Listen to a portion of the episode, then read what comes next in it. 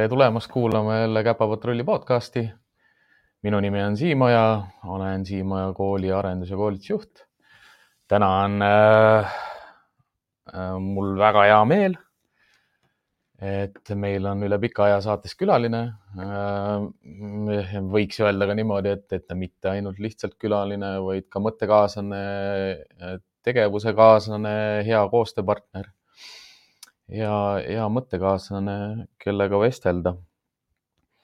enne kui ma lähen veel edasi, siis ma tahaksin kindlasti tänada kõiki inimesi, kes on äh, tänase päeva seisuga meie Patreoniga liitunud, et siit tervitused lähevadki välja Kairile, Helinale, Riinale, Katrinile ja Triinule.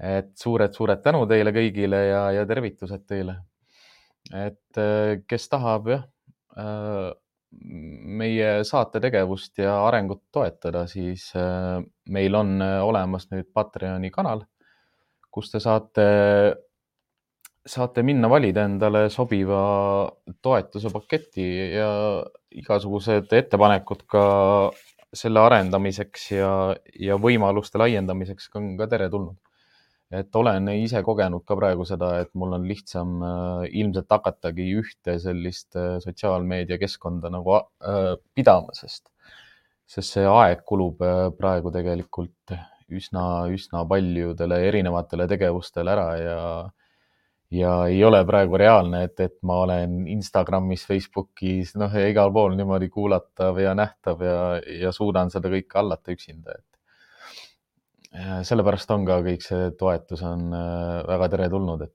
et eks ta hea oleks, kui pikas perspektiivis saaks nagu oma selliseid igapäevaseid tegevusi nagu katta äh, ikkagi noh, nende, nende sissetulekutega, kuhu on, on panus ka pandud. Aga ilma pikema jututa jah, sest äh, mulle tundub, et tänane osa läheb pikale võib minna sest küsimusi on palju, teema on huvitav ja, ja ilma pikema jututa, siis jah, meil täna on äh, saates külas äh, Karolin Tohv sellisest toredast ettevõttest nagu Loomale Pai. ma ei mäletagi nüüd, me eelmine kord rääkisime, et kas see on OÜ või, või MTÜ või oled sa FIE see on OÜ aga mm ma tõesti, ma mäletan, kui sa seda podcast'i üles panid, siis sa panid kõigepealt Karolin ja ma tegelikult ei figureeri mhm. absoluutselt enda nime all, vaid tegelikult see on loomale pai. Kõike mm, -hmm. mida mina teen siin taga, see on loomale pai.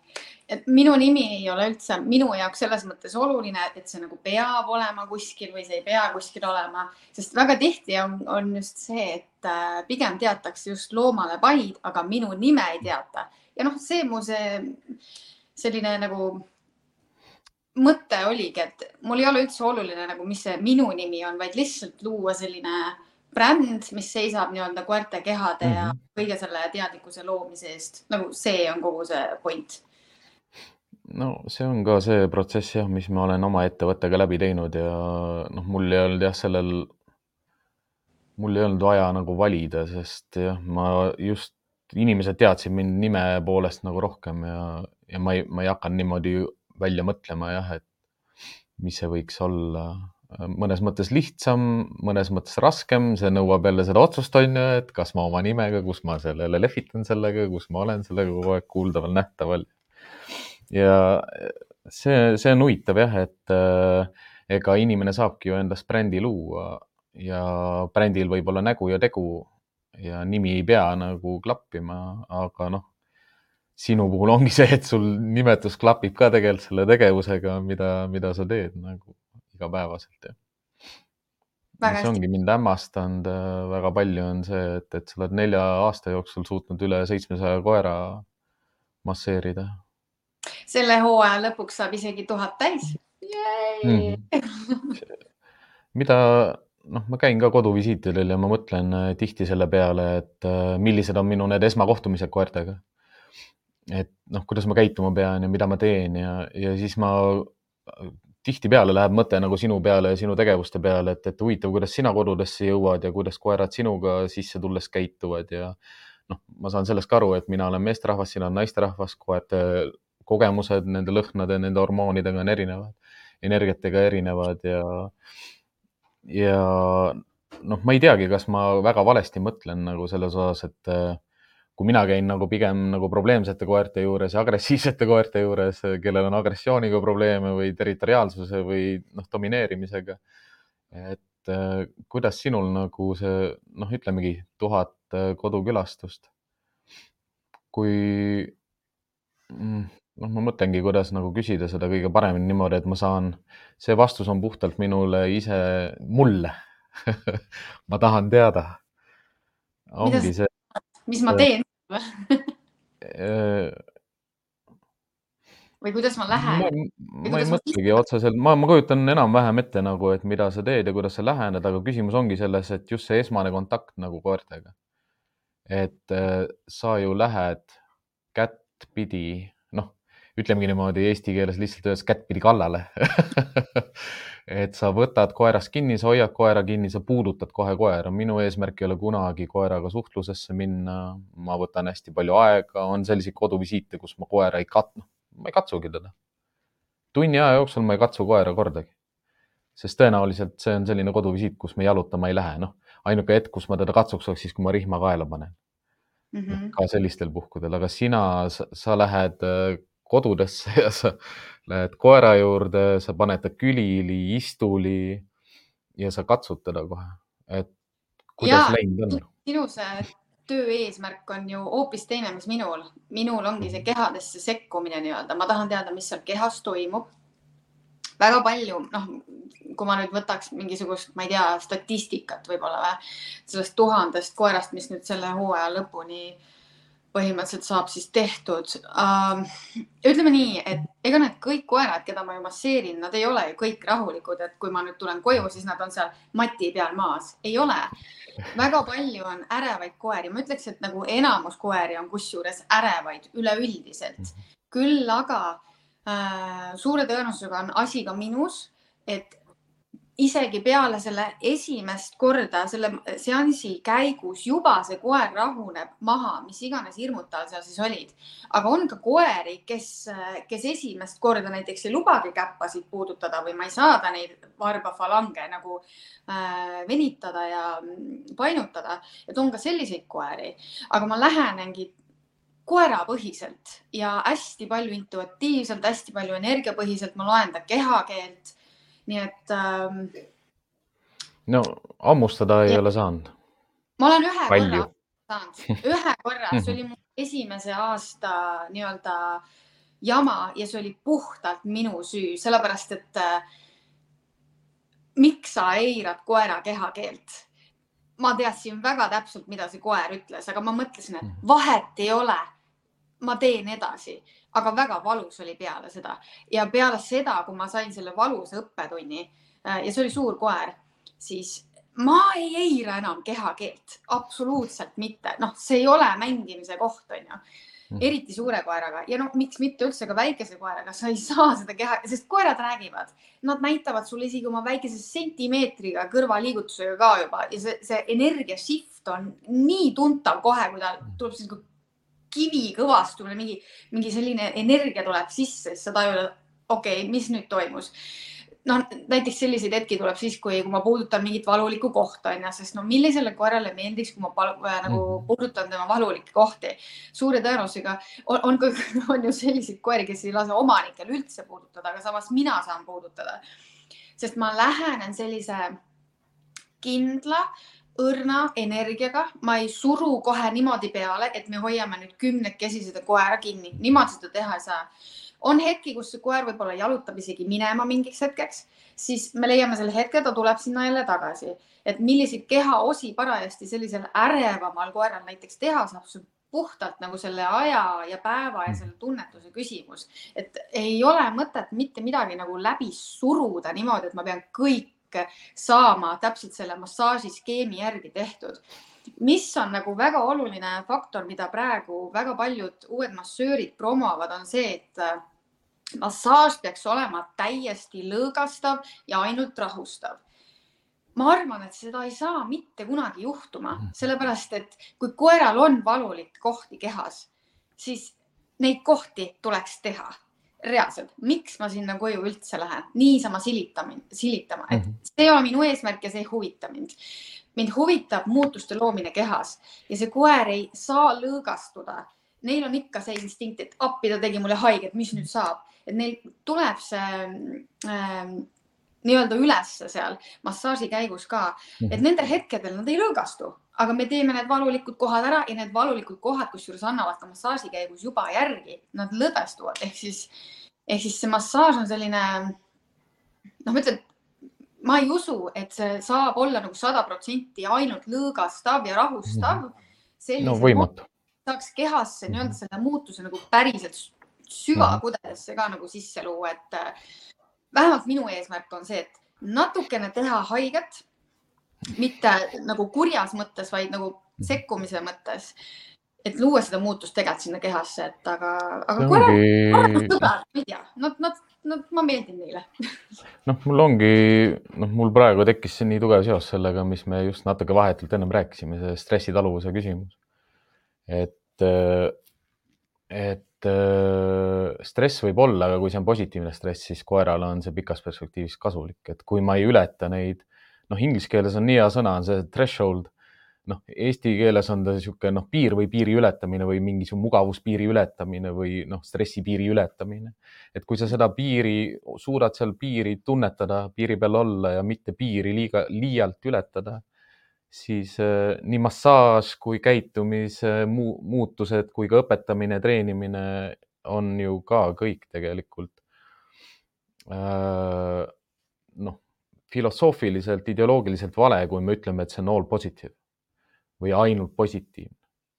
sest see on võimatu, noh, samamoodi nagu mass massaažis on võimatu stressivabalt äh, massaaži kõiki aspekte läbi viia ja ka veterinaarias täpselt sama, et kui koeral on abi vaja, ta tuleb veterinaari juurde, ma võin ju proovi, noh, ma annan endast nagu maksimaalse selle, et, et seda koera aidata ja teda, talle pakkuda võimalikult mugavat ebamugavust. Et noh, sellest peaksid nagu kõik inimesed aru saama, aga minu arust nagu väga hea sissejuhatus nagu tänasele nagu põhiteemale. Et, et teema, nagu tuhat, tuhat ja pluss koera ühe korra hammustada saanud, noh, kes siis veel peaks raamatu kirjutama mulle öelda, öeldi, et äh, raamatuid peaks kirjutama need, kes on koerte käitumisspetsialistid, nii et Siim, sinu kord on nüüd. mina pidin vale inimene olema selleks.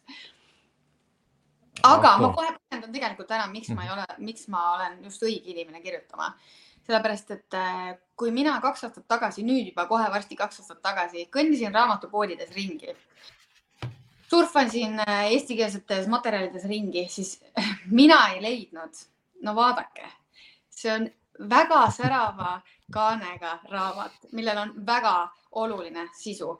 ma ei tea, küll me jõuame sellest rääkida, aga mm -hmm. miks just mina seda raamatut tahtsin kirjutada, sest ma käisin raamatupoodides ringi ja mul, mul oli probleemne koer ja nagu igasuguseid asju oli vaja teada, onju. Ja ma ei leidnud sellist raamatut, mis vastaks nagu päriselt minu sellistele küsimustele, mis on seotud minuga, minu sees, tema kehaga, kõik see energeetiline pool, see side, kõik raamatud rääkisid sellest, mida tähendab siis, kui koer näiteks alla pissib, mis ma siis peaks tegema, kui ma kutsika koju toon, mis ma siis peaks tegema. kõik on hästi palju just käitumispõhised raamatud, neid on piisavalt palju meil siin, aga meil on siin ühiskonnas vaja inimestel teadlikkust tõsta reaalselt inimestel endal. mul on jäänud väga suur mulje kõige selle juba üheteist aasta jooksul, mis, mis on nii-öelda koeraga veedetud et terve see ühiskond proovib remontida ainult koeri, meil on lugematu arv igasuguseid käitumistehnikaid, aga keegi ei räägi seal trennides või lähemalt ei, ei näita sulle neid kohti ära, aga kus mina praegu näiteks valesti reageerisin või, või oma emotsiooniga, kuidas ma talle mõjun, neid asju mitte keegi välja ei toonud.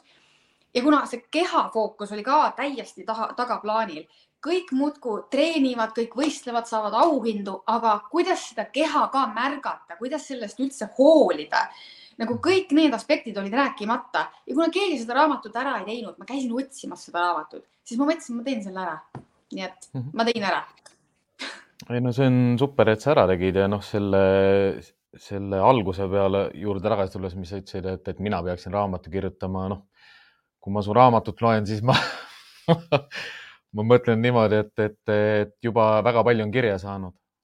et. Äh, sest sinu peab kaasa. kui ma üldse saaksin nagu mingi raamatu kirjutada, siis ma saaksin ainult sellise eluloo raamatu kirjutada, mis on autobiograafiline ja lihtsalt et, et inimestele oma lugu nagu edasi anda läbi oma kogemuse. aga sinu raamat on puhtalt nagu noh, ma peangi täitsa ausalt ütlema, et, et ma ei ole seda raamatut suutnud kaanest kaaneni läbi lugeda. On selliseid kohti, kus ma, kus ma, kus ma hüppan üle, sest äh, see on intervjuu Irina Pukiga. Siis ma hüppan jälle üle, noh, eeterlikud õlid. Siis ma hüppan jälle õle, noh, Kenno Ruul, hüppan üle, aga ja, ja põhjused on tihti, noh, on olnud selles selle raamatuga tutvudes, sest ma olen teda hakanud kaks korda algusest peale lugema. et äh, ma loen iga kord nagu uuesti, nagu, nagu uut raamatut, sellepärast et, et äh, see, see on vastik nagu, kui palju selliseid nagu mälestusi ja emotsioone tuleb pinnale kui keegi räägib nagu nendest kogemustest, mis tal on oma koeraga olnud ja mul, mul on need, noh, need kliendid just, kes on olnud need koerad, kes tulevad meelde, need koerad, kes minu elus on olnud, need, mida ma inimestele olen õpetanud, mida ma olen rääkinud. Ja, ja nagu noh, lugemise keskendumise teebki hästi raskeks see, et, et, et samal ajal, kui sa loed, samal ajal sul käivituvad need kõrvalmõtted seal, jälle hakkab jooksma, jälle põrkad edasi-tagasi ja, aga samal ajal endaga, kui sa tegelikult loed, eriti seda esimest otsa seal, siis seal on ka väga palju mhm. informatiivset üleüldiselt, mida nagu loomaomanik oma koera keha kohta võiks ju teada. Aga selle, see on hea point, mida sa ütlesid, et äh, sa justkui loeks nagu uut raamatut, sest sest kui sa loed mingisuguseid lauseid näiteks äh, nädala pärast või kuu aja pärast või poole aasta pärast, sa saad hoopis teistmoodi nendest asjadest kusjuures aru, sellepärast võib-olla sul alles kuu aja pärast klikib mingisugune asi, mis sul praegu ei klikkinud ja siis sa paned jälle selle ühe pusletüki nagu kokku. et selles mõttes on äh, väga tore kuulda, järelikult ma täitsin oma eesmärgi selle koha pealt kindlasti. ei no noh, mis mulle meie esimesest kohtumisest juba meelde jäi, oli see, et äh, mulle meeldivad väga palju sellised inimesed, kes on ausad ja otsekohesed. mul, ma tahaks ise olla võimalikult aus ja otsekohene, noh, jääda iseendaks, mitte kunagi moonutada oma mõtteid, öelda välja seda, mida ma mõtlen ja mitte selliselt, et, et, et, et siin on kogu aeg mingi heit, vihakõne ja, ja mingi selline emotsionaalne pläma, on ju vaid ikkagi korrastatud mõtted, kriitiliselt läbimõeldud. ma ei tegele sellega ainult sellel hetkel, kui mu käest küsitakse, vaid ma elan seda, ma hingan seda, see on minu elukutse. see on minu valdkond, kus ma töötan, see on midagi, mis mul on oluline, mida ma armastan, mida ma oskan hästi, et see ei ole niisugune küsimus, et, et kas ma, kas ma suudan kanda noh, vestlust või, või sellel teemal või nendes valdkondades. ja noh, keeruline ongi mõnes mõttes selle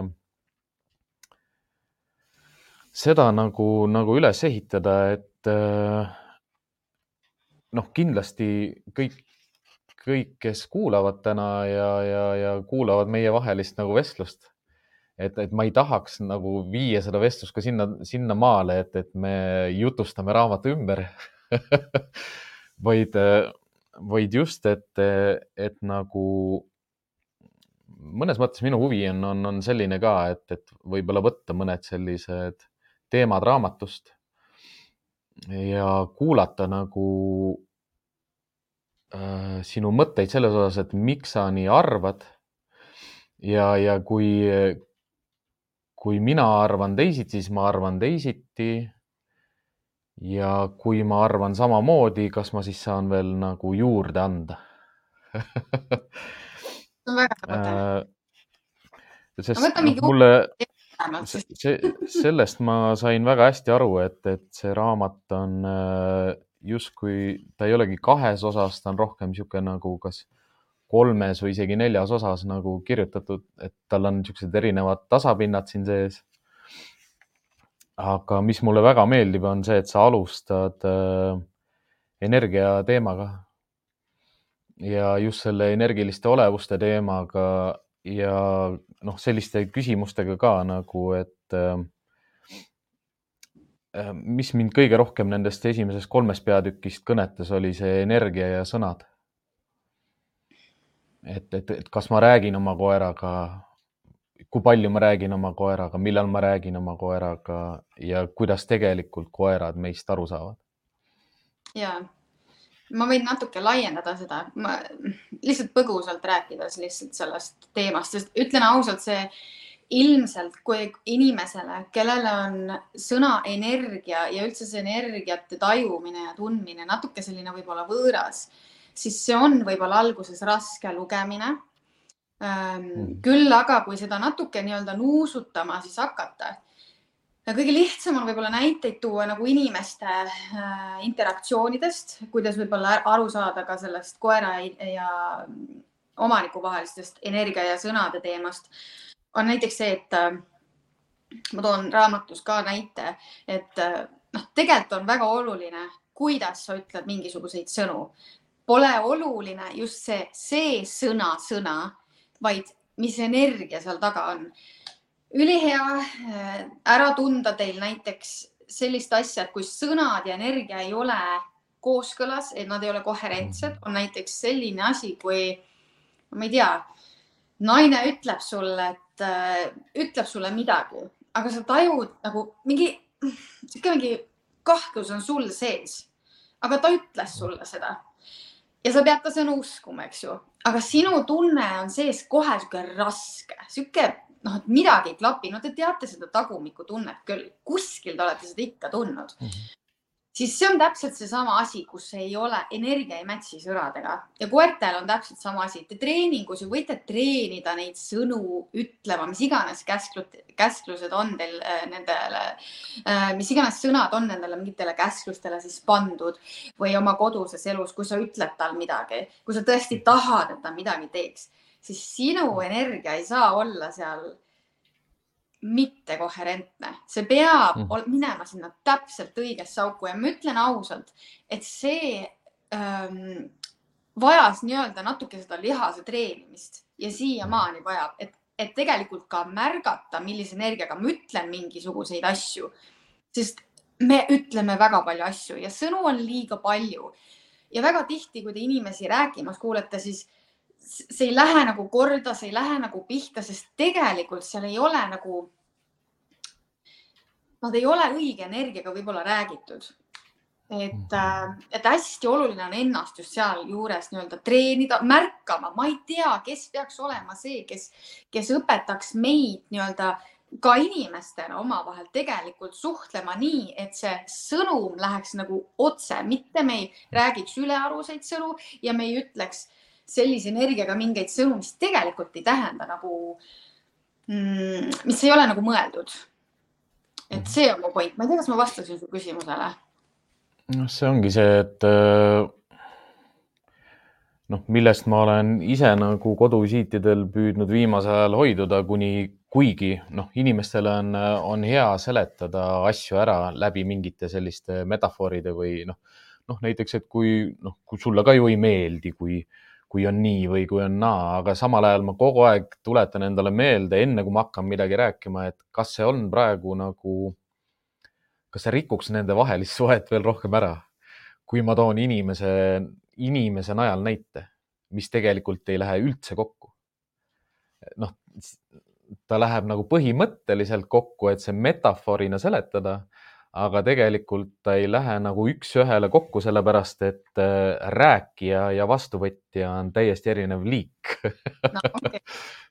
et noh, et, et, et see, see ongi, see ongi jälle noh, sellised lugemised ja sellised peatükid, kus sa nagu jääd nendesse lõikudesse kinni, nendesse mõtetesse kinni ja mul, mulle meeldibki hästi palju see, et tegelikult raamatus ei kirjeldata seda nii palju nagu inimeste näitel, vaid kirjeldataksegi nii, nagu on. noh, nii nagu noh, see, nagu hästi sihuke hea selline äh, jala, noh nagu konkreetsus, et, et koerad on sellised. ja nad teevad selliseid asju ja see on nagu mitte, ma ei, ma ei proovi teile mitte mingit umbluud praegu ajada, mitte mingit, mitte mingit jama, vaid ma räägin teile asjadest nii, nagu nad on. ja samas ka mitte tõestada, sest selle raamatu Mhm. eesmärk ei ole mitte midagi tõestada, see ei ole mingisugune õpik, mis iganes. seal on konkreetsed teemad otsekoheselt lihtsalt ära seletatud selleks, et inimest lihtsalt mõtlema panna. ei ole absoluutselt, ma arvan, et mitte ühegi raamatu autori mm, asi nii-öelda see, mida inimene selle infoga siis pärast peale hakkab, sest meil pole õrna aimugi, mis mõtted inimesel peas tekivad, on ju. aga minu eesmärk on konkreetselt selliste peatükkidega nagu, mis räägivad energiast, nendest sõnadest ja energia kasutamisest ja kuidas ennast jälgida, siis on, point on inimest lihtsalt korraks panna mõtlema ja kasvõi tekitada see segadus, et ta ei saa üldse midagi aru, sest siis alles inimene hakkab kuskilt, kuskilt teisest kohast võib-olla otsib mingit lähenemistki. et ähm, ja ma arvan, et see on hästi suur töö iseendaga ja -hmm. ei saagi ette öelda ju, kuidas sinul see täpselt peaks olema või kuidas sina peaksid seda ütlema või mis suhtlused teil seal täpselt on, sest kõik need suhtlused, mis koerte omanikel koertega on, need on nii erinevad, et kui omanik isegi ütleb mingisugust asja, räägib nende suhtest, kuidas see on ja ma lähen sinna koju, see pilt on hoopis teistsugune, siis noh, et minu jaoks ei ole kusjuures sõnad väga-väga olulised just sellepärast, et tegelik olukord räägib palju rohkem nagu ja ma väga tihti kusjuures massaažide ajal tunnen puudust sellest, et ma tahaks vähem rääkida. Ma tahaks Mhm. vähem rääkida, et olla sealsamas selle kehaga seal hetkes, aga väga tihti omanikud tahavad tagasisidet, tahavad tagasisidet sellest lihasest, kus ma parajasti olen, mida ma palpeerin, onju. ja see ongi mu töö, ma peangi tagasisidet andma et äh, sellega ma olen natukene kimpus, et ma tahaksin vähem sõnu kasutada massaažiseanssidel. et kui keegi teab, kuidas seda teha, et olla lihtsalt vait siis, et anda see tagasiside pärast, võib-olla, et siis äh, see on kindlasti koht, kus mina näiteks tahaksin äh, äh, liikuda. aga kui ma mõtlen no koeraga neid sõnu ja energiaid, siis ma toon seal raamatus ka igasuguseid näiteid. no see, seal on nii lihtne lihtsalt tegelikult kuula, päriselt ka, noh, nad, nad, nad ei ole rumalad, nad ei ole absoluutselt rumalad, nad, nad tajuvad kohe ära. ei ole üldse see sõna oluline, vaid tegelikult seesamune vibe nii-öelda, kuidas kaasaegses öeldakse, on ju, et mis, mis vibe'i see õhk, mida su keha ka teeb, sest nad loevad ka meie keha. noh, see ongi see, noh, mina ei tea, ma, ma võin sulle mõnes mõttes nagu võib-olla rahustuseks öelda jah, seda, et noh, koerad suudavad väga hästi eristada seda, et kas sa suhtled temaga või sa räägid kellegi teisega. et ma ei näe seal otseselt nagu probleemi selles, et, et samal ajal, kui sa koera katsud, et sa suhtled inimesega. et ta ei võta, ta ei võta seda selliselt, et sa räägid temaga. tead, mul ei kui ta on, kui ta on sotsiaalne ja selline teadlik koer, jah ja mind ennast, noh, mul endal on selliseid olukordi, kus just kaklesin koeraga, sain koera külili maha, hoian teda kinni, proovin oma pulssi paika saada ja hingamist korda saada. ja ma tean, et ma samal ajal pean inimestega suhtlema. sest kui ma nüüd ei räägi, et mida ma teen, miks ma teen ja mida koer teeb, siis, siis on niisugune awkward vaikus nagu, kus keegi ei selgita midagi, kõik ootavad midagi, aga täpselt ei tea ka, mis juhtus. Et noh, mind ennast aitab hästi palju ka rahustada see, et kui ma räägin samal ajal ja see aitab ka, see sunnib seda hingamist ja asju paika panema. et, et ma saaksin üldse rääkida, et see emotsioon, emotsioon ja reaktsioon langeks alla nagu, et, et maha rahuneda ja. no sul on ja teistsugused olukorrad, aga mm -hmm. mina pigem vaata, kuna minu eesmärk on rahustada seda koera ka maha et mitte, mitte hoida teda seal adrenaliini, adrenaliini nii-öelda kõrgustes, siis ähm,, siis sõnad ja kõik selline jutuvadin ja selline erkrääkimine, see kõik ju vaata, kerib seda energiat, aga pigem just see nagu rahunemine. sina ei taha ka massaaži ajal seletada kellegagi, ausalt, et see keha rahuneb palju paremini et, et ma ei tea, ma pean midagi välja mõtlema enda jaoks mingi balansi nagu võib-olla paremini paika panema mm. -hmm. Aga see on, see on, see on küll, et äh, me liiga, liiga palju anyway kasutame tegelikult sõnu. ei noh, seda ma saan sellest nagu mõttest väga hästi aru, nagu et see ongi see nii selle lähenemises selle tasakaalu leidmine, nii selle puudutuses tasakaalu leidmine, nii puudutuse intensiivsuses, tugevuses, piirkonnas tasakaalu leidmine kui ka selle hääle toonis ja, ja rääkimise hulgal ja ajal ja hetkel tasakaalu leidmine ongi ju koertega koos elades või koertega koos olles nagu noh, jälle selline kunst, mis tekib inimesel aja jooksul. ja tuleb teadlikult harjutada et, et äh, natukene sinna täitsa algusesse sinu jutu juurde tagasi minnes, et ongi see, et, et kui paljud raamatud räägivad nagu koerte treenimisest ja koolitamisest, siis vähesed raamatud räägivad sellest, et mida inimene peaks teadma, oskama ja te tegema, kui ta koeraga koos elab ja kuidas mõistma seda. noh, komistuskivi, mille taha mina tihti nagu komistan, ongi see, et äh, kui ma isegi räägin inimestele mingitest asjadest, mida mina näen koera käitumises, siis nemad ei näe seda koera käitumises. Ja mul on, äh, neil on raske mind uskuda. kui ma ja. ütlengi, et teie koer vaatab närviliselt ringi ja minu arust ta õues on äh,, äh, kardab ja sellepärast on ärev. hirmu pärast on ärev aga nad ei näe, nad näevad niisugust erutunud, erutunud koera, kes tahab igal pool minna. Ja siis nad mõtlevad, et noh, et ei, ta noh, liigub edasi, tal ei ole saba jalge vahel, noh, ta ei muretse midagi, ta ei värise. ta on kogu aeg niisugune alert või noh, nii-öelda nagu ärev, erutunud. ja, ja noh, proovi nüüd inimesele ära seletada, et su koer on stressis ja ta tajub stressi ja ta peab selles olema pikalt ja päevast päeva. tead, millest ma olen aru saanud või? seesama asi, mida sa kirjeldad, on ka minul nagu igapäevatöös ette tulnud.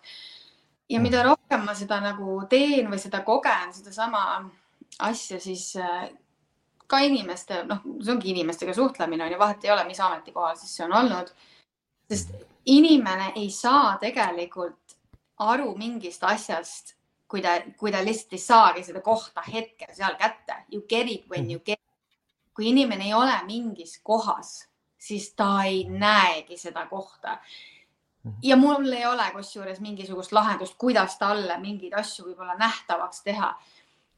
pigem on lihtsalt see, et see inimene jõuab lihtsalt mingil teisel ajahetkel sellesse eluetappi, kus ta võib-olla nagu reaalselt on valmis võtma ka vastu seda informatsiooni, mida sina just nagu mhm. jagad, et võib-olla inimesed lähevad hästi tihti vaata plokki mingi, mingi info peale, mis neile nagu ei sobi või nende maailmaga ei sobi, onju. -hmm. et äh, ja see on selline, delikaatne no,. mul ongi see, et, et noh, ma hea meelega lõhun inimeste maailma ja loon sinna sellist uut teadmist ja, ja ka selliseid kogemusi juurde. ma ei loo endale õhulosse, et ma tunni ajaga suudan inimese maailma muuta aga ma tean, et, et kui ma natukenegi niimoodi murran ja mudin ja nügin ja, ja lõhun, natukene isegi lõhun, jätangi katki, jätan meelega katki, äkki tekib see õppimisvajadus või soov või, või, või noh, huvi teada saada. ja noh, ma tegelikult ju saadan ka tagasiside ja edasiside nagu iga treeningu järgselt, et ma vahest nagu tajun ka seda, et, et kas ma saadan samal päeval või jätan nädala vahele või natukene hiljem ja lasen seedida ja mõelda. et noh, see on, see on selline küsimus, mis alati jääb, selline nii sinu kui minu tegevuse puhul see, et, et kihvt on, et ise sa tead. hea on, et keegi on olemas maailmas, kes seda suudab teha, kes seda mõistab, kes seda tahab edasi anda. ja nüüd ongi see raamat ju olemas tead, mis või? keegi ka seda asja, et oi, et no oi, nüüd sina ütlesid ka, et näed, nüüd on see raamat olemas, justkui see raamat tuli maailma muuta, et kas sa tahad maailma muuta ei, mina ei taha mingit maailma muuta. see raamat on siin selleks, kui sina tahad, sa saad siit igasugust informatsiooni ja sa saad liikuda nii-öelda muutumisse. minu eesmärk ei ole maailma muuta, minu eesmärk oli lihtsalt tõsta inimeste teadlikkust, nende inimeste mhm. teadlikkust, kes selleks infoks on avatud ja lahti, minge ja võtke ja võtke see info vastu, ongi kõik. jah, no seal ongi lihtsalt see, see küsimus, et, et kas sa tahad või ei taha. ta ei muuda niikuinii maailma et see, ütleme, et Eesti kontekstis meie tegevuse puhul ei olegi ju, ei saagi eesmärk olla tervet maailma muuta või isegi kontinenti või Euroopat või Baltimaid kui me saaksime ka noh, oma maakonnas või, või Eestiski nagu hakkama, see oleks juba noh, üli-üli hea, suur ja ülimõjus nagu muutus ühiskonnas. ja ma ei, noh ma ei kahtle, et, et sellel raamatul on selline roll Eesti ühiskonnas ka pikemas perspektiivis. et kui seda teadlikult kasutada kui nagu retseptiravimit noh, sellist nagu äh, teadlikult suunatud lugejatele, teadlikult suunatud lugejatele niimoodi välja visata, siis see on nagu väga hea ja vajalik selline õpik ma saan aru, et, et see ei ole teaduskirjandus, ta ei ole mõeldud õpikuna, ta ei ole eesmärgiga õpetada. ta on hästi, hästi inforikas tegelikult, ta on küll, ta on küll õhukene raamat, aga ta on pungil. No, seda enam veel, kui sa oled koertega töötanud ja, ja, sul on nii palju elu, elukogemusi seotud sellega, et ma kujutan ette, et sellised inimesed, kellel on noh kaks-kolm koera juba olnud elu jooksul. Nende jaoks on ka palju rohkem selliseid tugipunkte ja, ja, ja, ja äratundmisi nagu. aga mulle ja. meeldib see ka, et, et sa oled, sa oled raamatus palju käsitlenud ka seda, noh, neid inimesi, kes, kes veel ei ole koera võtnud ja, ja, ja annad tegelikult väga häid selliseid nippe ja nõuandeid, et, et noh, mida üldse teha. et, et enne kui sa sellesse maailma nagu hüppad ja ma loengi, ma loen nipi ette. loe nipp ette ehk siis leheküljel number kakskümmend seitse on selline nipp. Äh, alati saad küsida endalt küsimuse, kas nüüd on õige aeg.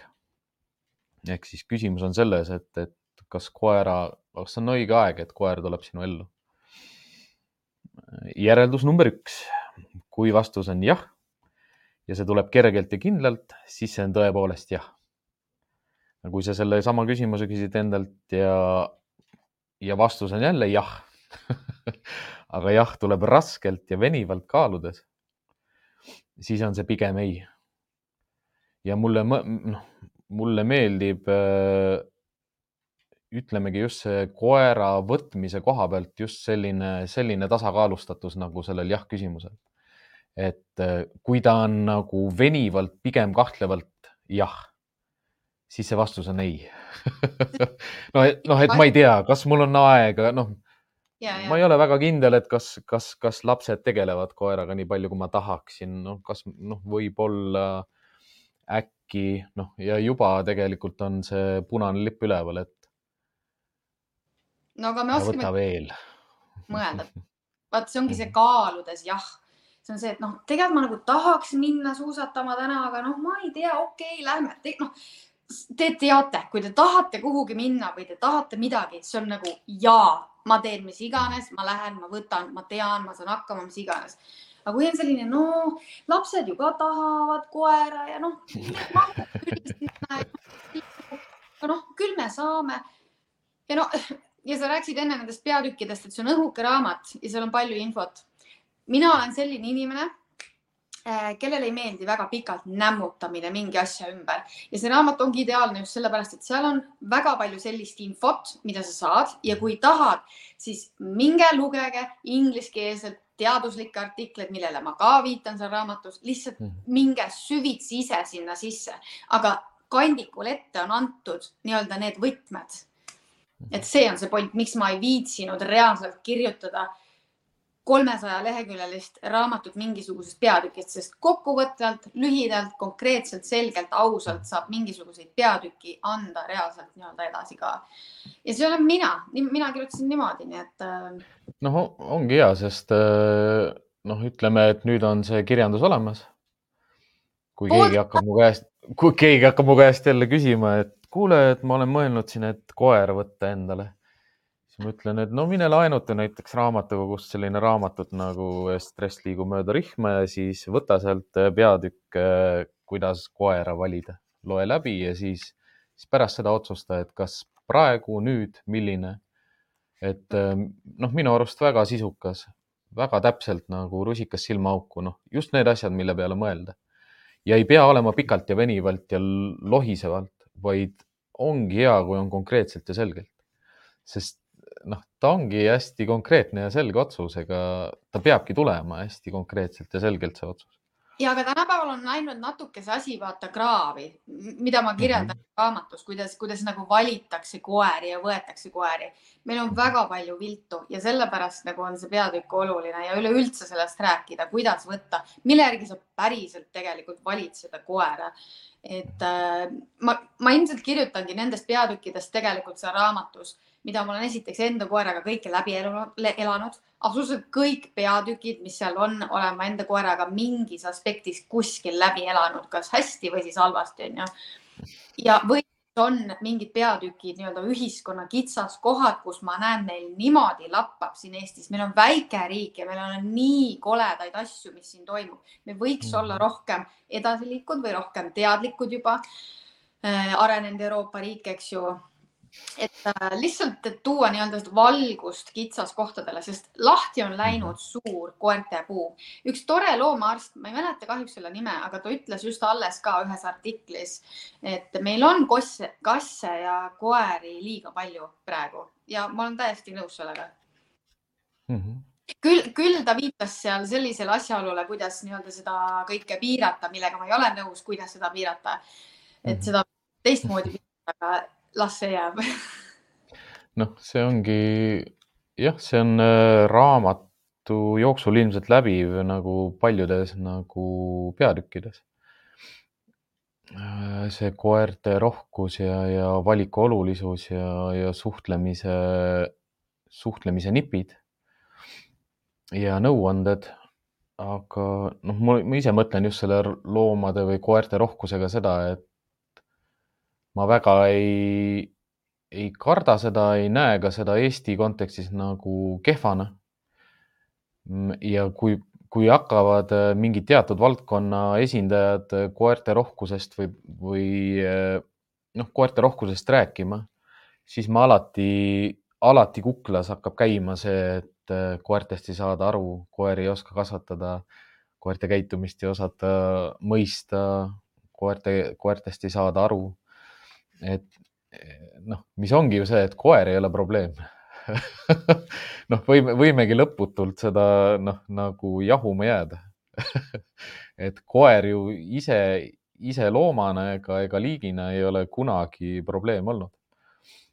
aga noh, see ongi ju seda märgilisem, et, et sinu raamatu ju pealkiri on ka ju see stress liigub mööda rihma ja see peatükk tegelikult tuleb äh, raamatu jah, sihukeses esimeses viiendikus alles. ja äh, hästi oluline nii-öelda peatükk ja see on suhteliselt isiklik peatükk ka, seal on, seal on väga palju koledaid asju ka kirjas, mida mina olen nii-öelda koert, koertega nagu läbi elanud, et seal ei ole kõike nagu ilusat juttu, aga, aga ma arvan, et ma ei ole ainuke, kellel, kellel on igasuguseid äh, jubedaid asju olnud koeraga, et äh, ja, ja stress liigub mööda rihma. see kõige mhm. selgem välja öeldud äh, asi üldse. inimesed lihtsalt ei, sellest ei ole räägitud mitte kuskil. ongi see, et remondime koeri, onju, viime nemad remonti ära, remondime nagu igast nurgast, noh. ja samal ajal ma saan kohe tsiteerida, et närvitsemine ja karjumine ei ole ammu enam moes ega ole teadliku inimese tunnuseks. noh, kaua võib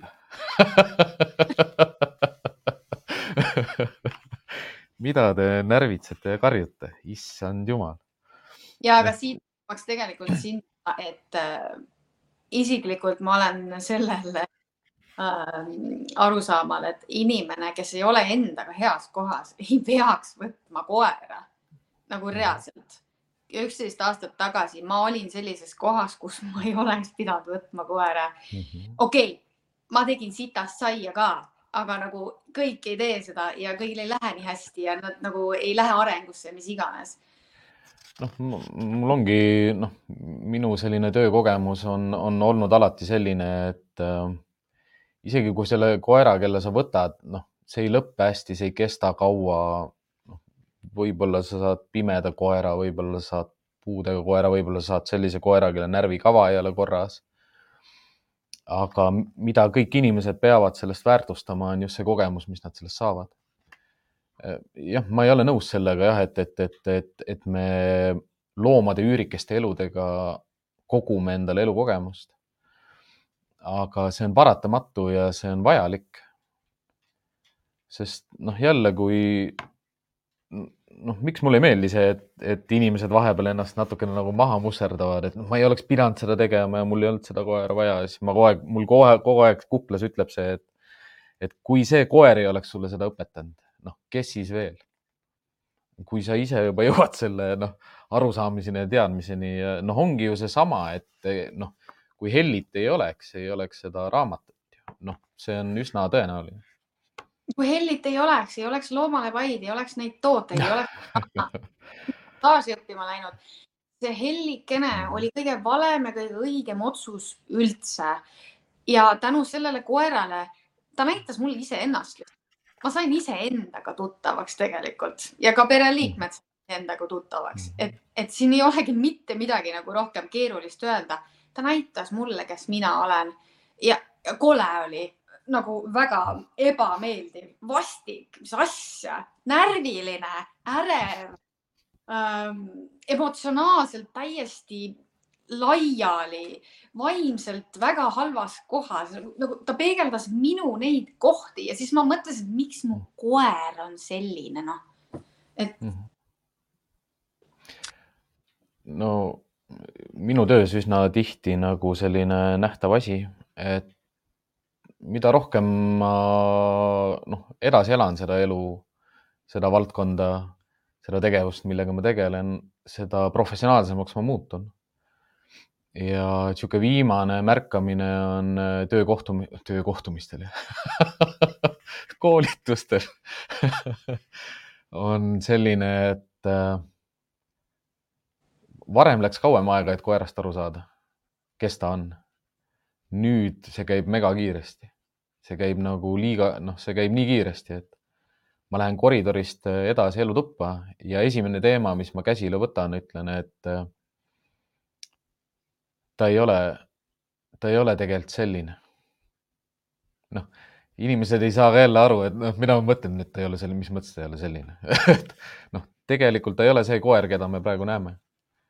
et kui ma teda katsusin, teda puudutasin ja tema energiat tundsin, siis ma ütleksin, et ta on pigem noh, keskmiselt madalama energiatasemega. aga me näeme hoopis teist pilti, me näeme, et ta hüppab, me näeme, et ta lakub, ta näksab. Ta on hästi energiline, ta ei suuda purgis ka püsti pida-, seist-, noh, paigal seista, ta jookseb edasi-tagasi, ta hingeldab, ta närev. et see ongi nii, noh, miks mulle see tuleb selle inimesega nagu meelde, mida sa just peegeldasid, et ongi see, et noh, ütleme niimoodi, et nendes peredes ei pea need inimesed olema nagu võib-olla jah, väga katki, aga mitte noh äh,, närvilised aga mingi stress seal ikka käib alati kaasas. mingi sihuke ärevus, ärevus tekitab ka stressi, muretsemine tekitab stressi. ja see stress käib alati nagu kaasas sellega, et mida see koer teeb, kuidas ta jälle käitub, miks ta sihuke ülevoolav on, mida inimesed on teinud, mida inimesed on õpetanud.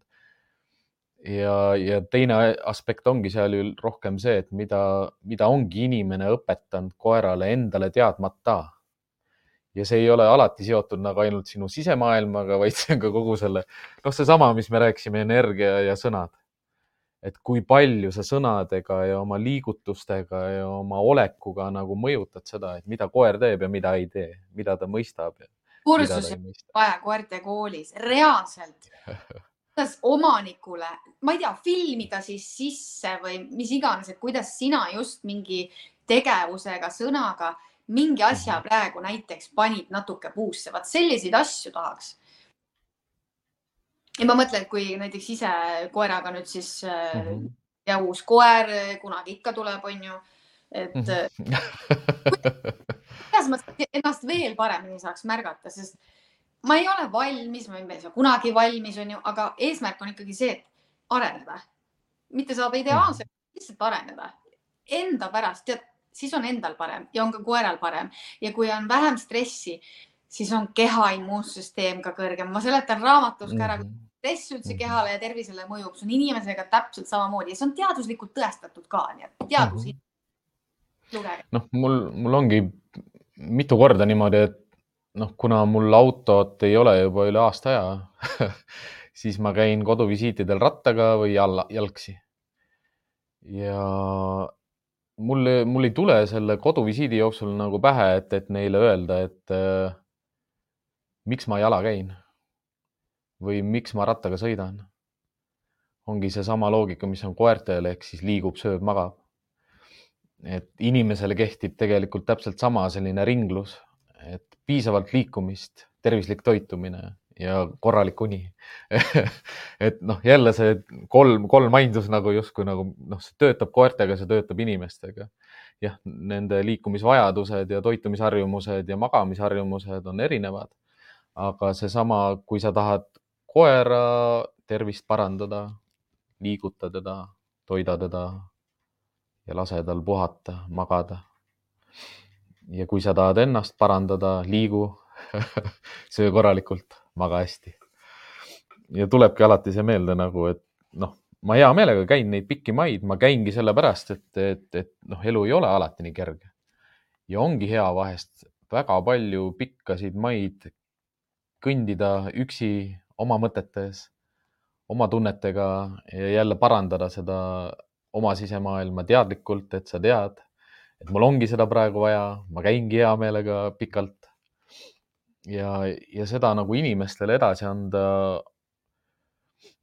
ongi, ongi tihtipeale raske, kuna aega ei, noh, aeg, noh, ma ei saaks öelda, et aega ei ole. aega on, ma võtan seda aega, ma saan seda aega. Äh, noh, ja see jutt läheb jälle lihtsalt nii filosoofiliseks ära, et, et ma tunnengi, et ma lähen jälle sinna sellesse, sellesse kohta, kus ma ütlen selle lause jälle ära, et et nagu ei ole, ei ole, ei ole kunagi nagu hilja ja mitte kunagi ei ole mitte midagi nagu liiga palju või sihuke nagu noh, pingutust või palju pingutust või piisavalt pingutust või piisavalt panustamist või noh, kuidas teha niimoodi, et iga sinu sõna, mida sa räägid, on äh, tõsi noh, palun, palun usu mind, noh, see, see, see raamat on hästi palju selline nagu, et noh, et ei usu või noh, hakkad uskuma ja noh, sihukest, äh, see on minu, minu jaoks ikkagi selle raamatu puhul on selline kunst siin sees. et see suhtlemise kunst äh, Äh, mitte nagu selline vastikult äh, in your face, noh, parastamine või selline näffamist. et, et see on, see on, see on kunst omaette, kuidas seda panna sõnadesse. nii et see oleks piisavalt tõsiselt edasi antud, aga, aga taktitundeliselt et see ei oleks liiga rusuv nagu, et noh, loed selle raamatu läbi ja noh, et mis ma, mis ma nüüd teen, et, et noh, ongi noh, mida ma olen ju koolitustel ka näinud, on see, et, et inimesed vahest hakkavad nutma. ehk siis noh, me, me lõhumegi neid maailmu, emotsioonid on seal nagu nii teretulnud, nagu kui ma seda ei näeks või kui sa ei murdu praegu, siis on veel kehvem sest ma ei saa ka sind toerata, ma ei näe seda, seda langust või seda to toe, tuge, seda tuge, mida sa vajad. ja, ja teisest küljest need on, noh, need ongi kõige paremad koduvisiidid olnud, kus sa, kus sa saad selle pisara välja nagu. sest inimese maailm võib-olla kukub kokku selles.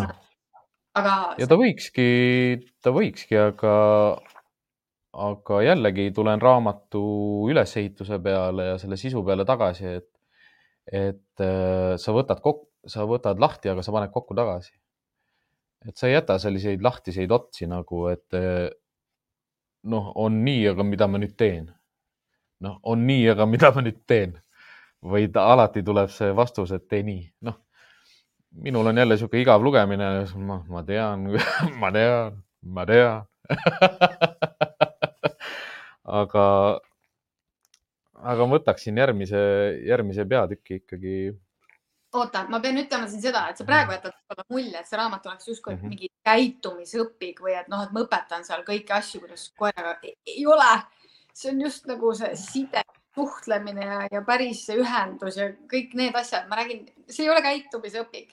ma ei õpeta. see ongi, noh, see ongi see tegelikult, mis on ka minu missioon nagu väga palju koerte maailmas, et äh, mida ma olen järjest rohkem omanikele korrutama hakanud, on see, et kui sul kodus ei ole korras, sinu enda, sinu enda sisemises kodus kui ka sinu elu, elukodus ei ole kõik korras, siis ära, siis sa ei lähe mitte kuskile trenni, siis sa ei õpeta oma koerale mitte midagi. seal ei ole mõtet, sa lihtsalt raiskad seda suht, suhte kvaliteeti. et paranda kõigepealt see oma kodu ära. majan, lihtsalt majandamise küsimus, ega kui ma nüüd Nuf-Nufis paluti mul teha üks, üks ainetund kutsika koolile noh, et vali, et mis teemat sa tahad. noh, tule, tule tee üks, mis teemat sa tahad. noh, ma, ma ise, kuna sisuliselt see on minu kutsikakooli see õppekava alusel tehtud oli see, need teemad, siis ma teadsin kohe, et ma võtan äh, kodu, noh, hea peremeheliku majandusega abc, kodu abc. Sest kui kodu on korras, käi-, noh, sinu enda käitumine on korras, sinu koera elu kohad on korras, sinu koera elukorraldus on korras, siis nagu minu jaoks ongi see, et noh, sellest ühest tunnist tegelikult aitab. Kui, kui rääkima ju. Nagu lastele peaks nagu ammu see olema tegelikult täiskasvanud inimesel peaks olema selge see, kuidas nii-öelda enda hinge eest hoolt kanda, on ju, kuidas hoolt kanda, aga millegipärast me hakkame õppima seda alles siis, kui me oleme täiskasvanud, astunud ämbritesse või oma tervisega tead, jumal teab kus ja, või oma suhetega, jumal teab kus. et tegelikult ähm, ma ei tea, ma ei ole mingi milleeniumi laps või ma ei ole nii vana ja ma ei ole ka nii noor, aga ma olen sellest põlvkonnast, kes ei ole saanud koolis mitte mingisugust kvaliteetset õpet äh, suhtlemises suhete hoidmises, dünaamikat, kuidas need kolmeosalised mina-sõnumid üldse käivad äh,. rääkimata muudest asjadestki, tervise mhm. hoidmine. Ma lihtsalt õppisin mingisuguseid rakubioloogiat lambist, kuidas see rakk ja see, mis kett see oli ja kuidas see, andke mulle nagu päris asja, vaata. Mitokonder, sihuke asi tuleb meelde. Ja tuum, rakutuum ja mitokonder ja no. ei noh, eks ikkagi noh, hariduse teemal täna käisin äh, raadiosaates intervjuud andmas ja, ja noh, see on üldse nagu hoopis teine maailm. aga arenguruumi on. aga noh, miks, miks inimesed ju hakkavad õppima mingeid asju, ongi tihtipeale, sul peab ju mingi probleem olema või mingi mure olema, et sa küsiksid nagu miks. Ja siis hakkad sellele probleemile lahendust otsima. mind nagu huvitabki see just, et kuidas inimesed nagu sinuni jõuavad mis need probleemid siis tavaliselt on, mis on nagu sellised kõige, kõige levinumad, mis seletab ka natukene seda peatükki, mille pealkiri on Puudutus muudab mm. -hmm. ütleme nii, et minu juurde jõuavad, kuna ma tegelen eelkõige massaažiga ja kõik see kehaline aspekt on ju, siis minu juurde jõuavad ikkagi koeraomanikud, kes, kelle koertel on mingisugused vigastused juba, mingisugused valud või nad kahtlustavad mingisugust valu, kas see koer lonkab või noh, hästi vähe äh,, arvestades seda mm, kontingent käib, eelkõige on ikkagi need tagajärgedega kliendid äh,. osad on juba ka ennetamise faasis olevad kliendid, et kui nad võistlevadki, siis äh,, siis me teeme korrapäraselt massaaže, lõdvestame lihaseid, õpetame venitused, kõik sellised asjad, aga kuidas kliendid mind leiavad? kuna ma enda platvormidel sotsiaalmeedias äh, olen päris aktiivne, samamoodi on kuidagi, kuidagi hästi palju on ka muide käinud suust suhu. mulle kirjutatakse, et näed, keegi kir rääkis sinust seda, näed, tema ütles, et kuule, kirjuta, kirjutan teile ehk siis suust mhm. suhu tuleb ka, nii et Eestis ei saa teha nagu jama selles mõttes, et kui sa oled nagu korraldad mingisuguse käki korralikult kokku, siis nad ei soovitata ju edasi.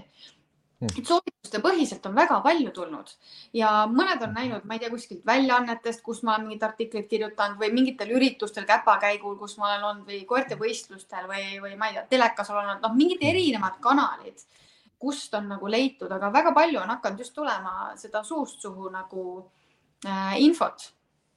et Eesti ei ole suur, et liigub ikka, et näed, ah keegi loomale pai, Karolin ei tea mm, -hmm. aga mhm.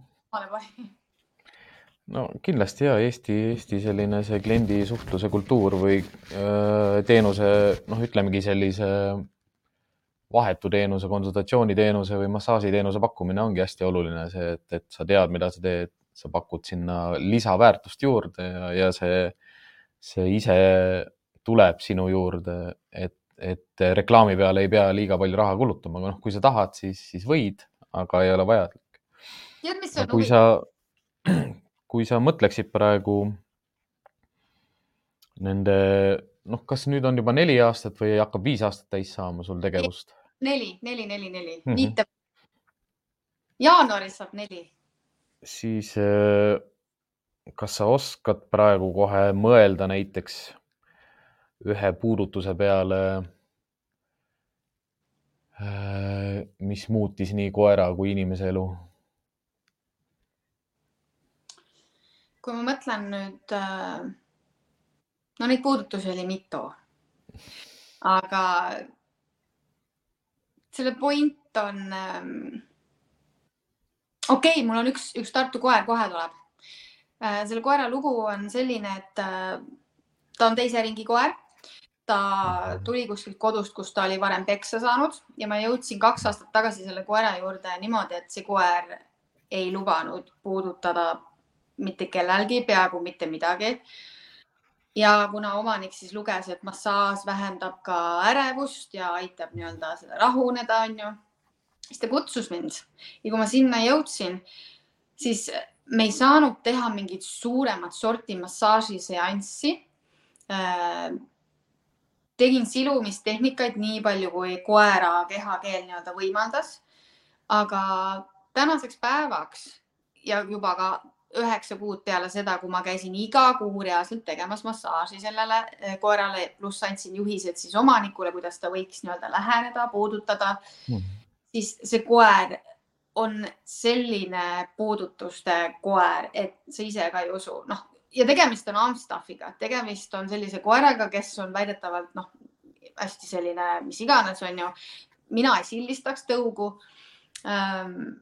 Pigem see oli hästi traumeeritud koer, ta, ta oli ka nagu no selline piiripealne, et kas noh, et ennast kaitsma hakkav juba varsti on ju, et tegelikult mhm. alguses päris selline äh, challenge ja selline väljakutse, kuidas sellele koerale läheneda, kui palju, millise intensiivsusega, et, et ta ära ei flipiks seal mm. -hmm. ja me tegelesime sellega ja samamoodi on ka minu koer, minu koer on samamoodi ehe näide, et puudutus muudab, sest minu koer oli täpselt samamoodi tal ei olnud kehades mingeid meeletuid valusid, aga ta lihtsalt ei tahtnud, et ma puudutaks, ta ei, teda ei huvitanud nagu ja ta sai, ta reaalselt sai kurjaks, kui, kui sa hakkasid teda kauem mm -hmm. kui viis. ja minu koer on praegu täpselt samamoodi, ta näpuliigutuse peale keerab külge, see ei olnud see koer, see oli koer, kes tahtis kallale tulla, kui ma puudutan teda ja see ei olnud see koer. nii et äh, on, on täiesti olemas selliseid koeri, kes harjuvad puudutustega ära, nad saavad aru, et nad ei sure ära sellest hästi suur roll on ka omanikul ja mis seal kodus toimub, kuidas näiteks äh, neid puudutusi nii-öelda edasi tehakse peale seda, kui mina sealt kodust nii-öelda nagu äh, lahkun, sest ma annan mingisuguseid näpunäiteid küll, eriti mhm. koertele, kes, kes on sellised skeptilisemad või noh, argagressiivsuse poole nagu kalduvad, onju. et puudutust täielikult muudab ja mul on nii palju ka näiteid selliseid, ma räägin, omanikud ei saa puudutada, aga mina saan puudutada see on nii suur vahe sellel energial, kuidas koerale läheneda, noh. sellest võib ka rääkida, ma ei tea, kui palju, aga, aga puudutust täiega muudab, et koer õpib nautima puudutusi, neid vastu võtma, aga samas see puudutuste jagaja peab olema ka kohal, ta peab teadma, kuidas seda teha. nii et kas mul on mingit retsepti nii-öelda üks-ühele nüüd siin anda, et kuidas sina oma koera peaksid täpselt puudutama? selle ekraani vahendusel kindlasti mitte mm. -hmm. ja noh, mul oma tööst tulebki meelde see, et äh, oli ka selline periood elus, kui sai grooming us töötatud oh. ja noh, ongi ju see ongi noh, mida ma teenistuses praktiseerisin, oli see koeraga koos hingamine. ehk siis käsi rinna peale ja, ja südametöö ühtlustamine ja hingamise ühtlustamine, noh, koerad hingavad muidugi kiiremini ja süda lööb ka kiiremini. aga noh, mingi periood on niisugune, kus tegelikult saab enam-vähem nagu sellesse ühte, ühte hingamisse sisse küll.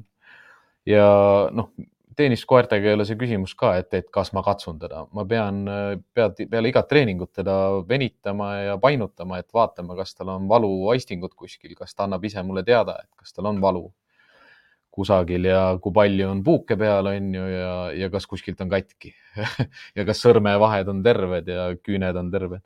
et seal ei ole küsimustki, aga see aitaski hästi palju ka nagu ütleme, teenistuse järgselt nagu noh, näiteks grooming us töötada nüüd ma suudan seda palju rohkem konteksti panna küll, et kui ma ennem ei mõelnud selle peale, et, et kuidas sa neid koeri näpid nii palju ja nad mitte midagi ei tee.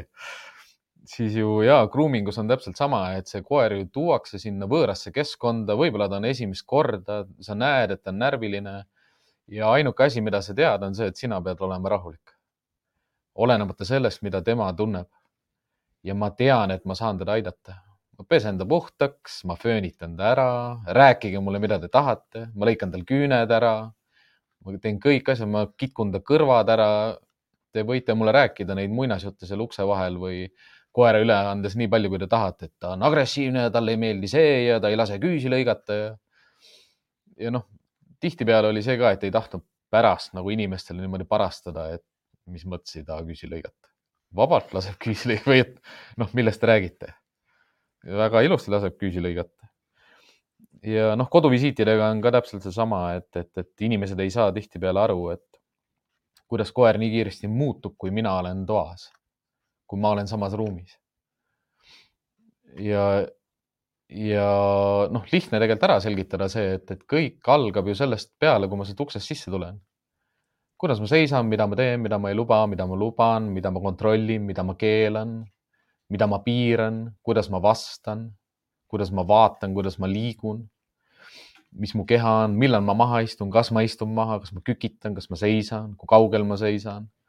et noh, see ongi ju see, mis ongi meie töö, aga, aga minu jaoks ikkagi nii hämmastav ja noh, niisugune hea mõte ka tegelikult, et et kuidas saada ka iseennast nagu rohkem selliseks nagu puudutajaks inimesed kardavad puudutusi. aga tead, tead, mis konks on siin, et kui sa ütled, et oi, et sa ei kujuta ette, kuidas ma puudutan või nagu, kuidas ma saan neid näppida. üks oluline faktor, mis peab olema inimesel, kes töötab kehadega, sellel inimesel peab olema kontakt kehaga tehnikat mm. sooritada võivad kõik, me võime need massaažiskeemid kõik ära õpid, õppida mm koolis sulle kontakti kehaga kaasa ei anta, kui sul seda ei ole, ma ei tea, kus sa seda harjutada saad, aga sul peab see olema, kui sa töötad koertega või inimestega mm. -hmm. ja kontakt kehaga on see, mis on kindlasti suur faktor, mis mind aitab äh, koerte masseerimisel. noh, seal ongi see, see vahe on ju, et äh, mis raamatus ka läbi käib, on äh, paitamise ja mass, noh, teadliku massaaži vahe nagu et kas ma lihtsalt silitan ja hõõrun koera on ju või sügan koera või ma lähengi teadlikult tunnetusega midagi tegema, ma otsin midagi, ma proovin tajuda midagi, ma püüan tunnetada midagi.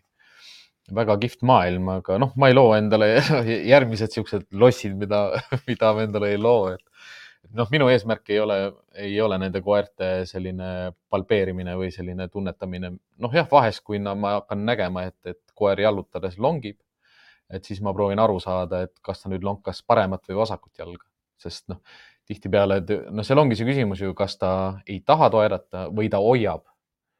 ja siis noh, inimene ütleb mulle, et noh, ja tal parem jalg on haige, ta lonkab, ma ütlen, noh, minu arust ta lonkab vasakut jalga nagu noh, sest see ongi see, et tegelikult, kui sa oled piisavalt palju koeri näinud, sa juba näed liikumisest ka ära, et et no, mida ei... inimene arvab, et, et kus ta lonkab ja sina saad aru, et, et mida ta ei lonka, vaid ta hoiab ennast. ja ka õige massöör ju õpib biodünaamilise mm -hmm. liikumise ka koerale ära, et tegelikult mm -hmm. reaalselt ma ju läbisin selle ingliskeelse õppe samamoodi, seal läbiti veel kord biodünaamilist, sa teedki eksameid, sa vaatled koeri, sa, sa pead leidma need kohad üles, kus see tasakaal on eba, ebaühtlane, kus on see arched back, kus kohas ta reaalselt, kas see, kas käpad astuvad ühte jalga teatud selles taktis, noh, mhm. see on nagu see, mida, mida sa pead teadma, nii et selles -hmm. mõttes, kui sa oled seda õppinud, siis sa oskad juba ka vaadata, vaadelda eriti kui sa oled ju kogenud, alguses on see ju raskem, onju, aga see tuleb kogemusega väga palju. ja noh, teadmistega ka see ongi see, et äh, noh, igatsen neid aegu, kui, kui sul on oma koer nagu, oma koeraga, noh, ma teengi kõike nagu, mida, mida ma õigeks pean ja, ja oma koera päevast päeva, ma kujutan ette, et ma katsuks teda iga päev noh, samamoodi, et kui tekib see koerte massaaži teema nagu, et, et kas ma, kas ma tahaksin seda praktiseerida või kas ma tahaksin seda teadlikult praktiseerida.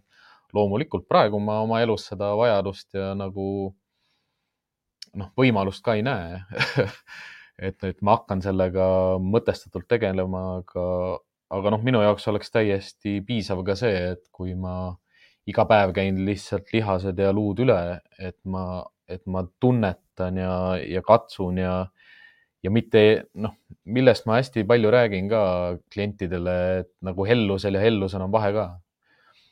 et kas ma lihtsalt nagu, millise energiaga ma seda hellust jagan või, või et mu koer ei saaks valesti aru, et ma ei tulnud praegu hellust jagama, vaid ma tulingi masseerima või ma tulingi kontrollima või ma tulingi, jah, kontroll, noh, ikkagi kontrollima. ta teab, et ma kontrollin, noh, koer ei tea, et ma kontrollin, ta noh, allub sellele tegevusele praegu sellepärast, et ta teab, et ma olen selline karjaliige kes, kes kontrollib niimoodi tema keha olekut. Noh, ma ei ole teine koer, ma ei saa lihtsalt nuusutada või tunnetada, et kuidas ta ennast tunneb või kus ta haige on või lõhna järgi aru, et milline jäse tal rohkem haiseb nagu noh, põletiku järgi noh, liigesepõletiku või närvipõletiku järgi, aga koer ju tunneb lõhnast selle ära, nende ninad on lihtsalt nii fantastilised. ja mitte nelikümmend korda võimsamad, vaid ma pakun pigem neli tuhat korda võimsamad kui inimese omad noh, ma tean, et, et raamatu faktivigadesse on veel nagu süüvitud. Ah, ma ei tea, mis ma oskan selle kohta öelda, sisu see ei muuda. Ja põlema ma neid raamatuid ka ei pane.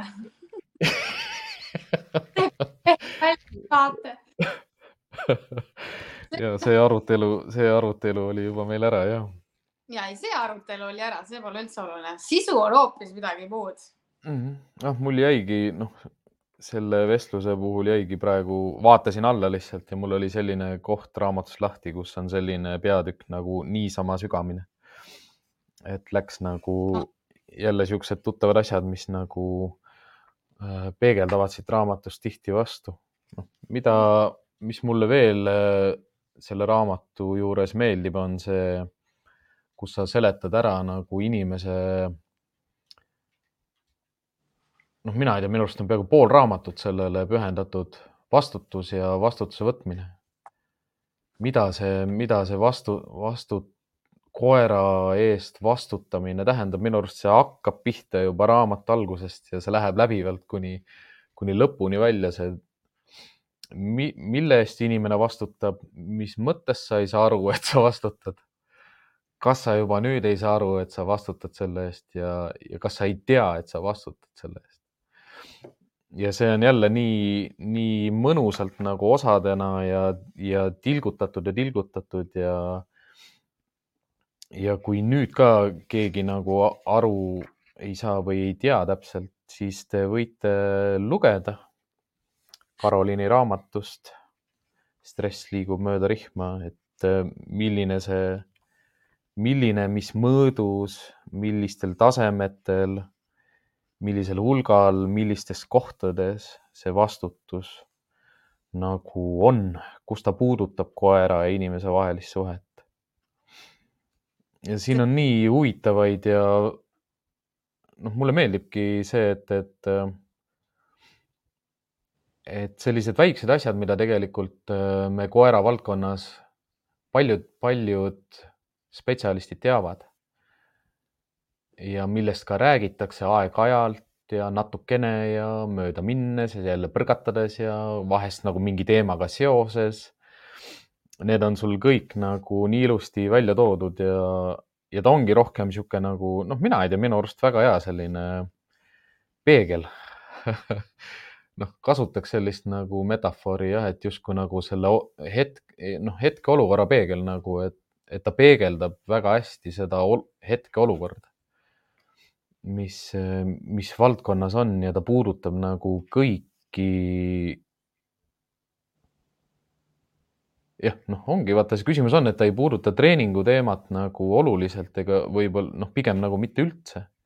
aga ta puudutab kõiki teisi teemasid, mis, mis inimestel jääb nägemata, tunnetamata, kogemata ja, ja märkamata, mis veel tegelikult koertega kõik noh, on olemas, nähtaval, tead, tead, teadlikkust vajavad ja, ja oskusi vajavad. et noh, muidugi ma ei taha seda raamatut nimetada mingi eneseabiraamatuks või midagi sellist aga ta on tõesti praktiline, ta ongi hea, ta on õhukene, lühikene, konkreetne, selge lugemine ja abivahend. noh, täitsa sihuke noh, öökapi raamat on ka vale nimetus, et mina loeksin seda raamatut just sellel hetkel, kui ma olen just nagu võimalikult ärkvel ja, ja, ja valmis nagu teadmisi vastu võtma. aga üks teema, üks teema, mida ma ikkagi tahan veel ennem, noh, ma, ma kardan lihtsalt, et muidu meil see osa läheb ikkagi nii ja, ebaloomulikult, ebaloomulikult pikaks jah, aga mis on minu jaoks ka oluline ja mis on ka sinu jaoks oluline, on äh, koerte käpad. kuidas, kuidas käpp käib? käib? noh, ma just mõtlen seda praegu, kui hakkavad need külmad ilmad ka tulema. sul on ka selline toode nagu käpavaha. ahah, vot seesama. et noh, mina olen hästi noh, mina teenistuskoertega olin harjunud sellega, et mul olid, mul olid kevad, sügis, suvesaapad ja mul olid talvesaapad.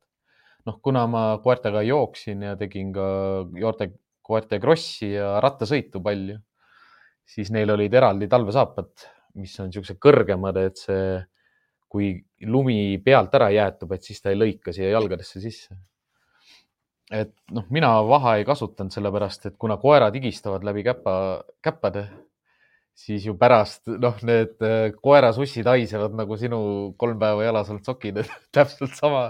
noh, nad higistavad, noh, need on läbimärjad, kui nad ikka jooksevad, siis pärast need sussid on läbimärjad. mitte sellest, et, äh, et maa oli märg, vaid ta higistavad need, need sussid täis. ja noh, käppadega mul oli nii palju selliseid olukordi, nii murtud küüsi, kui käpa need vahed läksid katki, kui pragunemised taldade all ja, ja noh, pikas perspektiivis ikkagi noh, vanem koer, vanemal koeral on juba palju tugevamad, palju paremad, palju noh, näed, et ta liigub paremini, tal on vastupidavam ta kannatab nagu rohkem, vahest imestad, et mis mõttes sul käpad terved on ja noh, siuksed, siuksed kogemused ka, et kus ma käisin koolides näiteks koertega mingeid demosid tegemas. lapsed tahavad ju näha, mida koerad oskavad ja ei oska teha, siis küsitakse, et noh, mis ta nimi on no,, ütlen, ta nimi on Siia. et noh, kui ma tahan, et ta tuleb minu juurde, siis ma kutsun teda siia. ja noh, mida ta teha oskab, on ju, ma ütlen, noh, ta oskab jälge ajada, inimesi hammustada, et noh, seda ma teile näitama ei hakka aga noh, mängime näiteks koeraga, viskame palli või midagi ja ma käisin Sauel äkki, oli Saue kool. ja seal on tehismuru väljak. ja ma lasin lastel loopida palli seal tehismuru väljakul. ja mu koera käpapadjad olid pärast neid ei olnud enam. see, see tehismuru kulutas lihtsalt käpapadjad ära. ja siit tulebki see vastik nagu üks selline kurb tõsiasi, mis nagu koertega on, see just see valu ja valu näitamine ja valu tundmine, noh, kõrges instinktis et noh, koeral, koeral, koeral on lõbus, tema jookseb, toob palli, laseb edasi-tagasi, verd lendab kahele noh, põhimõtteliselt juba veri, noh, verised jäljed põhimõtteliselt oleks jäänud juba maha, onju. ja siis saad jälle siukse elu õppetunni, et no never again et ma ei lähe mängima koeraga kunstmuruga väljakule. noh, ma tean, et ma vigastan neid asju, hea on, kui selliseid kogemusi saab, aga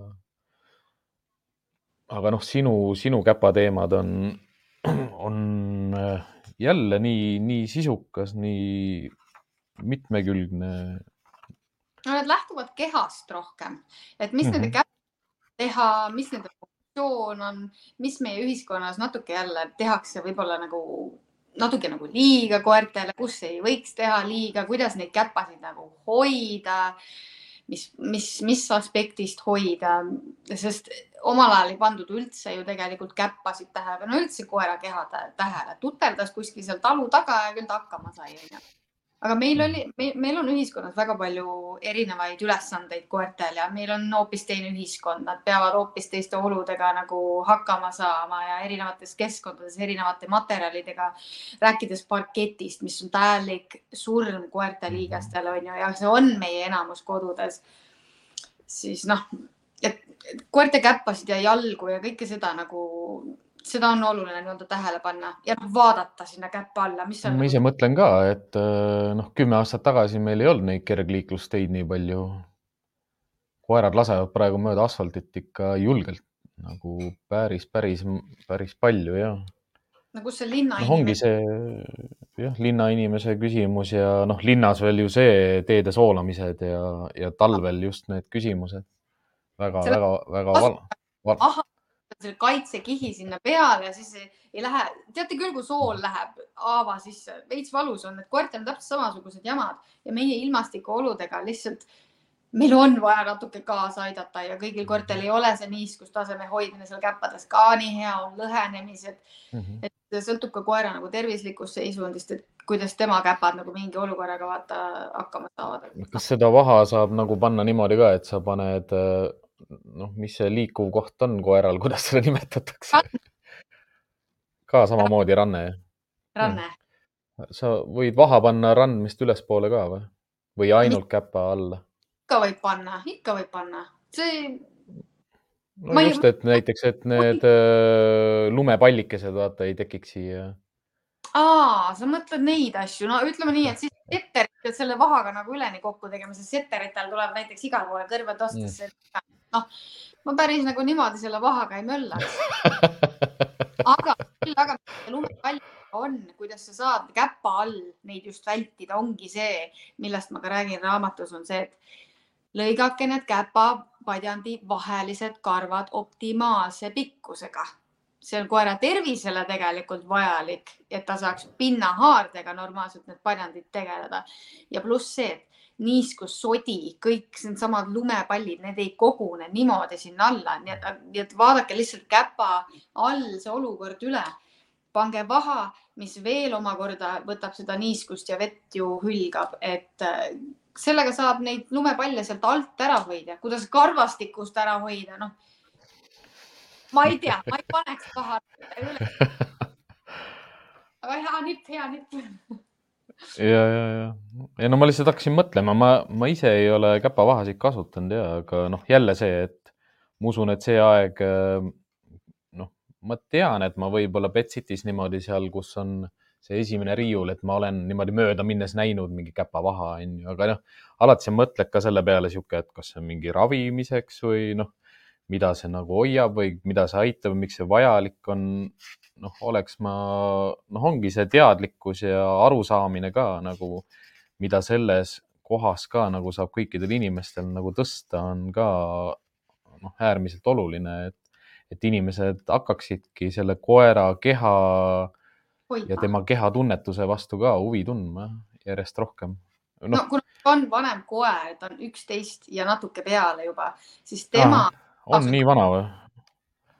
ta tundub väga noor, väga noor. ta tundub väga nooruslik ja, jah. ja ta ongi, ta on kehalt täiega Ahah. noor, täiega terve, ma olen jumala õnnelik, et ta on täiega terve.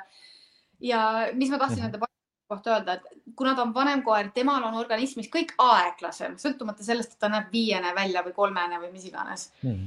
siis äh, temal on käpapadjandite ähm, varba otstes natuke tekkinud sellised narmakesed või nagu siuksed kõvemad osad mm, Mhm. -hmm. niiskeks, sügis selline natuke külmem aeg ja natukene hakkas sellist nagu kõvemat äh, asja sinna tekkima, siis ma tegin nii-öelda kuure, mingid, mingid päevad järjest panin vahasid ja läheb pehmemaks, et ma aitan mingi aja tagant, et nagu kümme korda päevas ei ole ju asju vaja teha, me ei pea asjadega lolliks minema, aga lihtsalt just see vanema koera keha kaasaaitamine või siis ka nooremal koeral, et äh, igaüks saab ise vaadata enda koera käpa alla, et äh, kellel parasjagu, mis seal, mis seal nagu toimub. See on tegelikult väga huvitav ja et noh, mulle meeldis ka oma koeri niimoodi üle käia. et noh, mõnes mõttes ka vahest täitsa meelega niimoodi tõmbad tal varbeid laiali, et noh, ma tean, et üks asi on see, et ma vaatangi ja ma kontrollin, aga teine aspekt sellele on see, et ma harjutan ja teen selle meeldivaks koera jaoks või, või vähendan seda stressi, mis sellega võib kaasneda. et ma ei tule halva kavatsusega, ma tahangi lihtsalt teada, mul on huvi ma kontrollin, ma vaatan, ei, sa ei tõmba oma kätt või noh, sa ei tõmba oma käppa ära. ma olen rahulik, ma ei saa pahaseks, kui sa midagi teed ja ma vaatan ja ma näpin, vahest võib-olla pingutan üle, vahest võib-olla vajutan sinna sõrmede vahele isegi. et noh, tekitada võib-olla siis, kui ta juba liiga mugavalt tunneb ennast, tekitan veel nagu natukene stressi juurde, et järgmine kord on jälle lihtsam, iga korraga on järjest lihtsam, järjest lihtsam, järjest lihtsam. et koerte puhul ongi ju hea see, et äh, nad õpivad terve oma elukaare jooksul, see ei lõpe kunagi ära ja ma ei saa kunagi, ma ei pea endale kunagi selliseid illusioone looma, et äh, täna ma ei õpeta talle midagi või täna ta ei õpi midagi uut. noh, ma saan talle iga päev kogu aeg midagi mõtestada lasta ja midagi õpetada. jah, et vanale aga õpetaja õpetab. vanale koerale õpetab väga palju, noh, kõik samad trikid, mida nooremale koerale. Lihtsalt tuleb alustada ja osata seda teha. Kust sinu raamatut leida võib? äh, raamatupoodidest äh,, Apollost ja Rahvaraamatust äh,, minu kodulehelt muidugi, Loomalepai kodulehelt Mhm. äh,. sinu podcast'i vaatajatele ja sinu klientidele on sooduskood Käpapatrull, mis annab kakskümmend protsenti näiteks soodustust, ükskõik mis mm. -hmm. toodetelt siis on see vaha või raamat või mis iganes. nii see töötab veel see on eelmisest korrast veel töös, väga hea mm. -hmm. et äh, see töötab äh, kõikidele, kes seda siis vaatavad, et äh, mm. -hmm. ja pool tiraaži on maha müüdud. ma ei tea, ma loodan, et jõulukingitusteks ka midagi jääb. nii et äh, Mhm. vaatame, igal juhul väga tore. ja on, on tore, et see raamat on olemas. minult ei ole mõtet raamatut oodata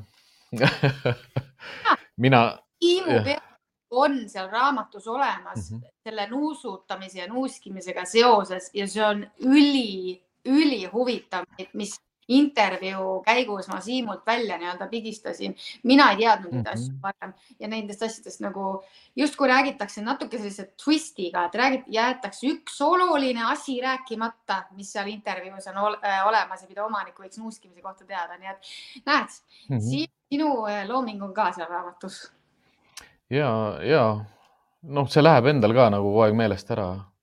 sest see oli selline, need on nii orgaanilised, siuksed naturaalsed tegevused ja käitumised, mis nagu päevast päeva on. et noh, ongi, kui sa, kui sulle meeldib see, mida sa teed ja, ja oskad seda hästi, siis, siis seda on maailmal vaja. aga ma arvangi ja, et tänaseks me saame ilusti kokku tõmmata otsad eks ma arvan, et, et ma räägin sinuga isiklikult rohkem selle, nende mõtete üle, et, et mida see raamatu kirjutamine on ja, ja milliseid väljakutseid on tekitanud ja, ja kus on raskuskohad ja valupunktid Neid me jagame üksteise ja teineteisega nii ehk naa. aga suur tänu sulle igatahes ja, et sa said täna osaleda, meiega oma mõtteid jagada. aitäh, et kutsusid. minu mõtteid kuulata. Aitäh. ja jah, meeldetuletus kõigile jah, et äh, soovitan seda raamatut kindlasti inimestele, kes soovivad oma elus noh, mõtestada rohkem seda oma ja enda ja koera vahelist suhet, kuidas sinu enda sisemine maailm mõjutab seda, kuidas koer sind mõistab. ja nagu ma aru saan, siis tegelikult tuleks juba poe poole hakata jooksma, sest muidu te võite raamatust ilma jääda jah, ja, ja kõik, kes tahavad nendest soodustustest osa saada, siis jah, käpapatrull on see sooduskood, mis kehtib siis, mis su see e-poe aadress oli, loomalepai.ee? sealt leiate mm. -hmm. sealt saate valida endale kas siis meeldiva raamatu või sobivat või huvitavat toodet. eks mm. -hmm. ja kui midagi vahepeal muutunud ei ole, siis Äh, loogika jääb ikka samaks, et teadmatus ei ole lollus nii et saame kõigile öelda head õhtut, äh, tänan kuulamast ja ma arvan, Karolin, sinuga näeme ka veel, sest see ju ei lõppe veel ära. tööd on palju aga olgu, teeme nii. head õhtut ja tšau. tšau. tšau, tšau.